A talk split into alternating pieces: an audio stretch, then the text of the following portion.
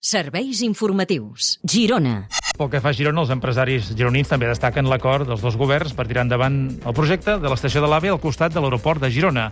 Ara el que demanen és que es posin les piles i que sigui una realitat com més aviat millor. Fèlix Martín. Sí, bona tarda. És exactament això, que s'accelerin els tràmits. És l'opinió del president de la Cambra de Comerç de Girona, Jaume Fàbrega, en declaracions a aquesta emissora. Ara, aquí, el més important és a veure quan es farà. Que no passi massa temps, perquè ja estem massa acostumats a veure segons quines obres públiques que tarden molts anys. Però en qualsevol cas és una gran notícia pel turisme gironí, és una gran notícia per, també per les empreses exportadores gironines. De fet, el passat mes de maig, el govern espanyol ja va adjudicar un estudi per planificar la ubicació de l'estació, el seu disseny i la connexió amb l'aeroport de Girona.